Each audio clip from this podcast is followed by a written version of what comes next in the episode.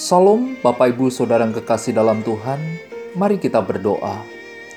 Bapa di dalam sorga, berikan hikmat-Mu, kami akan belajar firman-Mu. Di dalam nama Yesus, amin. Tema renungan hari ini, doa yang efektif. Matius pasal 7 ayat 7 dan 8 berkata, Mintalah maka akan diberikan kepadamu, carilah maka kamu akan mendapat. Ketuklah maka pintu akan dibukakan bagimu. Karena setiap orang yang meminta menerima, dan setiap orang yang mencari mendapat, dan setiap orang yang mengetuk baginya pintu dibukakan.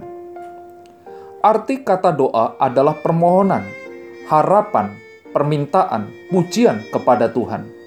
Sedangkan arti kata efektif adalah ada efeknya, ada akibatnya, pengaruhnya, kesannya, manjur, atau mujarab, dapat membawa hasil, berhasil guna. Jika kita menggabungkan tema doa yang efektif adalah permohonan, harapan, permintaan, pujian kepada Tuhan yang membawa efek, ada akibatnya, ada pengaruhnya, dan berhasil guna. Khotbah Tuhan Yesus di bukit berbicara mengenai doa sebagai suatu kewajiban yang diperintahkan. Di dalam doa tidak sebatas meminta, mengharapkan dari Tuhan sesuai apa yang kita doakan. Melalui doa yang kita lakukan sikap hati, sikap hidup menghormati Allah.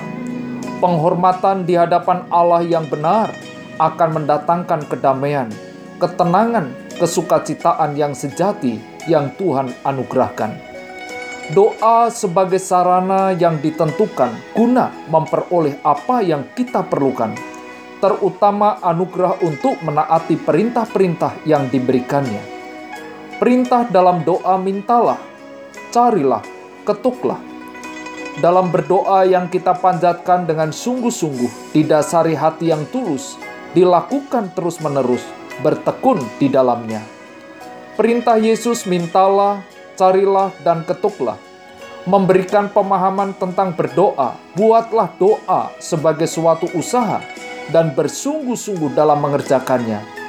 Meminta terus-menerus, kemukakan segala bebanmu kepada Allah. Serahkanlah dirimu kepadanya untuk mendapat kebutuhan dan persediaan hidupmu sesuai dengan janji Allah. Carilah seperti mencari benda berharga yang hilang seperti seorang pedagang yang mencari mutiara yang indah. Ketuklah seperti orang yang ingin masuk ke dalam rumah mengetuk pintu. Akan dipersilahkan masuk di dalam persekutuan, di dalam kasih, dalam anugerah Allah. Doa yang efektif tidak hanya meminta, tetapi juga mencari. Kita mendukung doa-doa kita dengan usaha.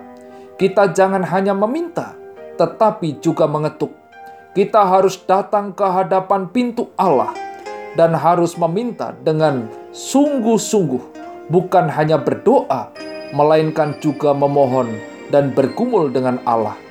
Kita harus mencari dengan tekun, kita harus terus mengetuk, harus bertekun dalam doa dan dalam menggunakan berbagai sarana, harus bertahan sampai akhir dalam melaksanakan tugas. Bagaimana sikap saudara dalam berdoa? Sudahkah meminta, mencari, dan mengetuk? Mari kita berdoa. Bapa di dalam surga, kami belajar memohon di hadapanmu, memuji dan menghormatimu.